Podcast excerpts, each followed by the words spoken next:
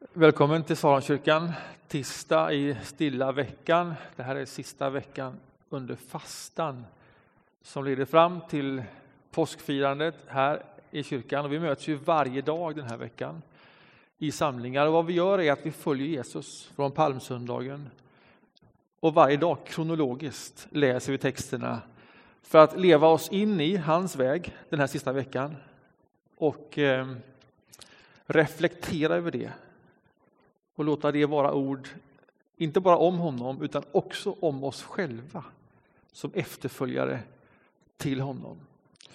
Vi följer ett evangelium varje år och i år är det Markus tur att ta oss med på den här resan. Och därför läser vi Markus evangeliet och så läser vi en text från Gamla testamentet ifrån Jeremia. Och har du fått eh, Bibeln här eh, och har du inte det så gå gärna och hämta en bibel här bak nu Eh, så, så kan man läsa med i det eh, och om man sen vill under stilla musik återkomma till texten i egen reflektion och, meditation. Det är en del av tanken i, eh, i de här samlingarna, andlig vägledning i, i stilla veckan. Samlingen är enkel, vi sjunger, Anna leder oss i en psalm, Se vi gå upp till Jerusalem. Jag tror ni har fått texten på ett blad. Sen lyssnar vi till profetens ord. Vi sjunger ytterligare någonting. Vi lyssnar till orden från eh, Markus, evangelisten. Och sen tar jag oss med i en vägledning utifrån det. Och sen blir det tid att själv vara i egen reflektion och stillhet under det att Anna spelar ett stycke för oss. Och sen avslutar vi kvällen. Det är vad vi har framför oss. Ska vi förena oss i en bön? Himmelske Fader, öppna våra sinnen så att vi känner igen din son Jesus Kristus. I texterna, i våra liv. Helig Ande, gör våra hjärtan brinnande. Amen.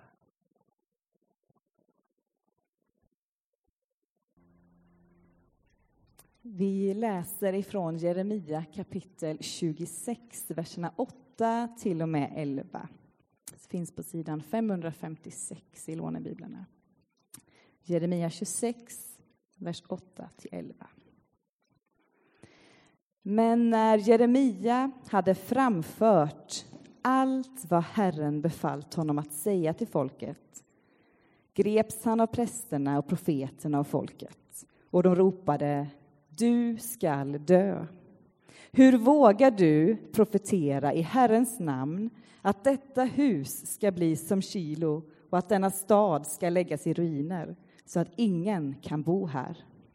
Och folkmassan samlades kring Jeremia i Herrens hus. När Judas stormän fick höra vad som skett begav de sig från kungapalatset till Herrens hus där de tog plats vid ingången till den nya porten. Prästerna och profeterna sa till stormännen och till folket Mannen här förtjänar dödsstraff. Ty han har profeterat mot denna stad. Det har ni hört med egna öron.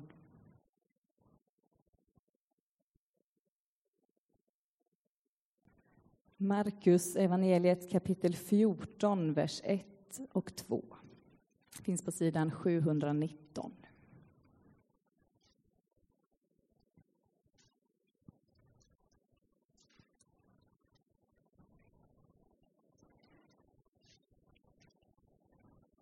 Det var två dagar kvar till påsken och det osyrade brödets högtid. Översteprästerna och de skriftlärda sökte efter ett sätt att kunna gripa honom med list och döda honom. De sa, inte under själva helgen, för då kan det bli oro bland folket. Andlig vägledning i stilla veckan. Målet för all andlig vägledning det är att förenas med Jesus Kristus och med hans intressen i världen. Och den viktigaste källan för all andlig vägledning, det är det vi har hört läsas. Det är bibeltexterna. Med de här inspireras vi, reflekterar vi. Med det här för vi ett samtal med oss själva och med Gud. Utifrån det här ber vi. Och på det sättet förenas än mer med Jesus Kristus och hans intressen i den här världen. Men det är en svår bok. Och var ska man börja när man läser?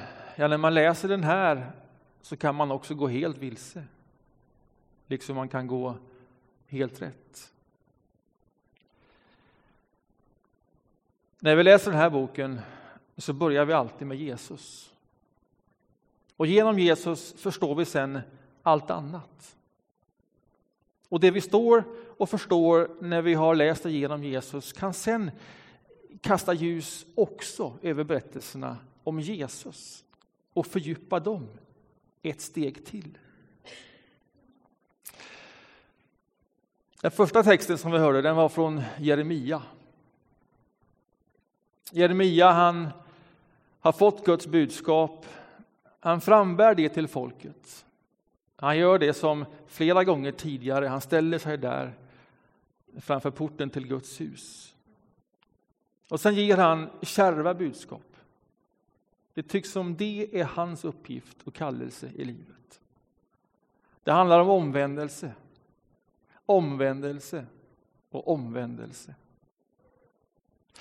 Hans ord är ofta i stil med att folket inte ska förtrycka invandraren.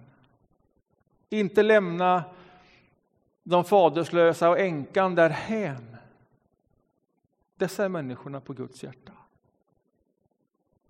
Det handlar om att inte tillbe andra gudar.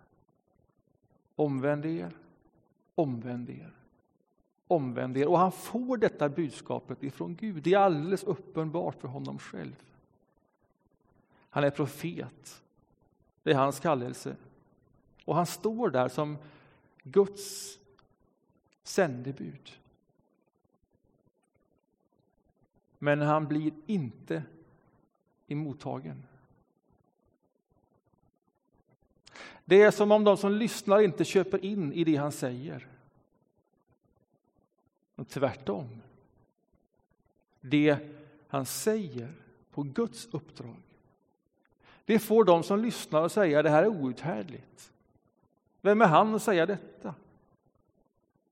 Vem är han att komma med ett omvändelsens budskap till oss? Vi har slut på honom. Han har sagt sitt sista ord. Och när man läser den berättelsen för sig själv så är det ungefär det som står där som jag nu har sagt. Men om vi först har läst evangelierna, det vi känner till, berättelsen om Jesus och med det i bakhuvudet läser Jeremia då ser vi någonting i den berättelsen som vi annars inte hade sett om det inte vore för Jesus. Och då ser vi plötsligt att det som händer med Jeremia det är som om det förebådar det som sen ska ske med Jesus. Det är ju väldigt likt. Han kommer som Guds moder, som Guds Messias, profeten. Med budskapet som väldigt mycket liknar Jeremias budskap och det är ju inte konstigt eftersom Jesus är Gud. Jesus ser de som inte andra ser. Precis samma som Jeremia profeterade. Och Jesus kommer också med ett budskap om omvändelse. Att inte tillbe andra gudar. Det är som om hela berättelsen om Jeremia och det vi har läst förebådar det som sen ska komma. Och när vi läser Jeremia i ljuset av Jesus och sen därifrån läser berättelsen om Jesus igen då fördjupas ju den berättelsen om Jesus. Som den inte hade gjort om vi bara hade läst den för sig själv. Då hade det varit en berättelse om Jesus som kom med ett budskap som inte blev mottaget av alla. Men nu ser vi att detta är satt i ett större sammanhang. Det är som om vi har hört det här en gång förut. Och sen händer det på riktigt, när tiden är inne. Gud har en stor tanke om den här världen. Det sitter ihop. Så är Jesus någon som kommer sänd av Gud, tänkt av Gud, när så skulle ske. Vad är det som står i texterna? De var Guds budbärare båda två. Jeremia var helt övertygad. Han hade en stark kallelse. Och trots det så blir han inte förstådd. Han blir inte mottagen. Och det där kan ju inte ha varit enkelt. När den egna övertygelsen är så grundmurad, så rotad i en stark upplevelse av att vara där man ska vara. Att tala i det uppdraget som man har satt att tala och ändå inte bli emottagen av de egna. Att inte bli förstådd. Och tvärtom.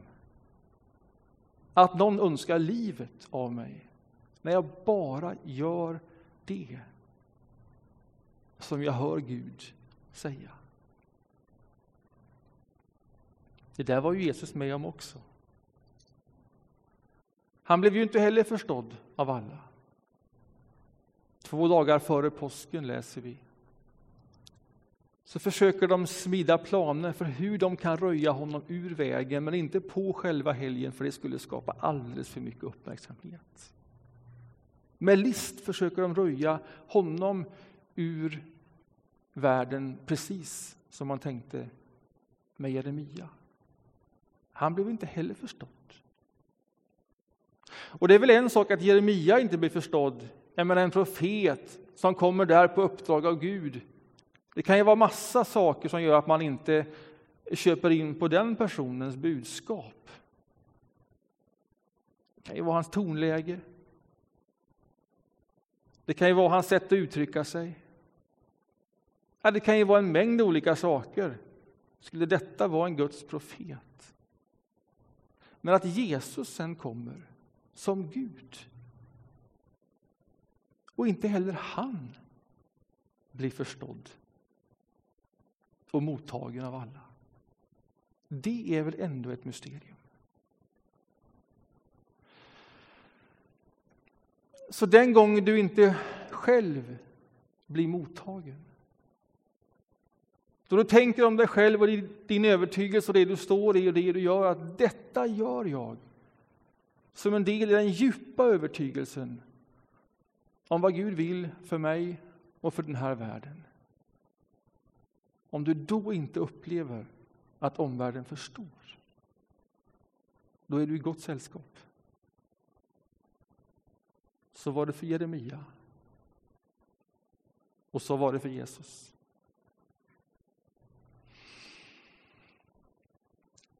Samtidigt är det så att ingen av oss är ju Jeremia eller Jesus. Vi följer Jesus och vi läser Jeremia. Och vi gör vad vi kan för att följa efter, att förenas med Jesus och hans intressen i världen. Det är vår övertygelse. Det är ju där vi står. Det är så vi talar. Ändå är vi inte Jeremia och ännu mindre Jesus. Ibland är vi de andra. Hos Jeremia hette de prästerna, profeterna och folket. De som inte förstod. De som inte köpte in. De som hade en annan övertygelse.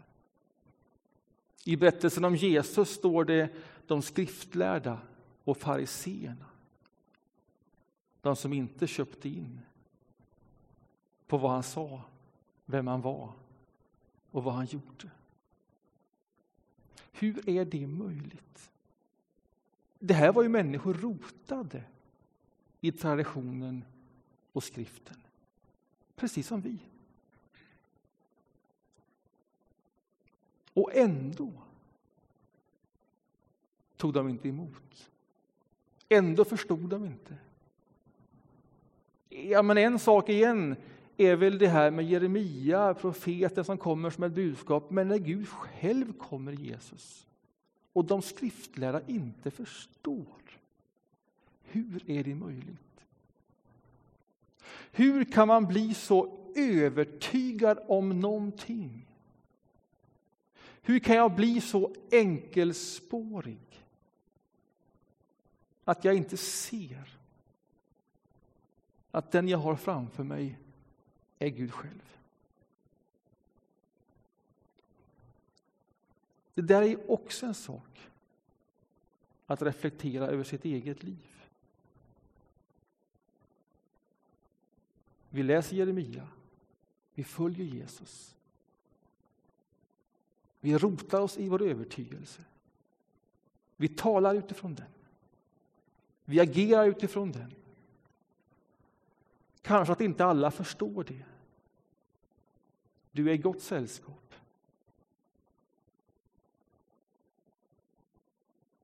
Men parat med din övertygelse behövs också ett stycke ödmjukhet.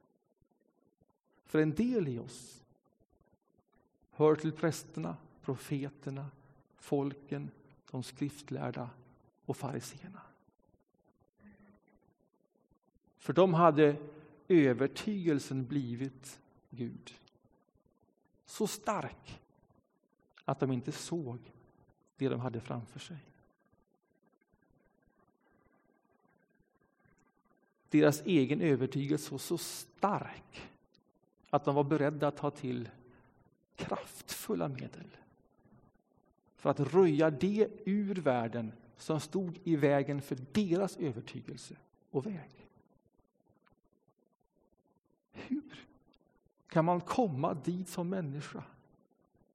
Hur kan övertygelsen bli så stark om någonting att du till och med är beredd att ta till våld? Och om inte våld i fysisk mening, som verbalt våld. Du försvarar på alla sätt din övertygelse.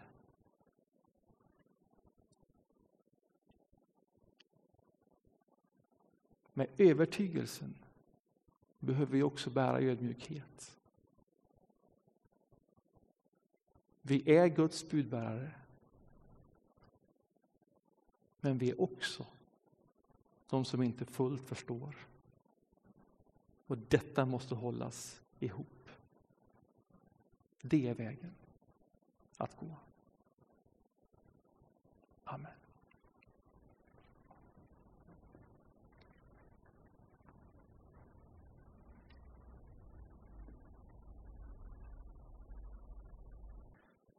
I både övertygelsen och ödmjukheten närmar vi oss Jesus Kristus. Det är målet för livet. Att förenas med honom och hans intressen i den här världen. Ska vi förena oss i den bön som Herren Jesus lärde oss att be. Vår Fader, du som är i himlen.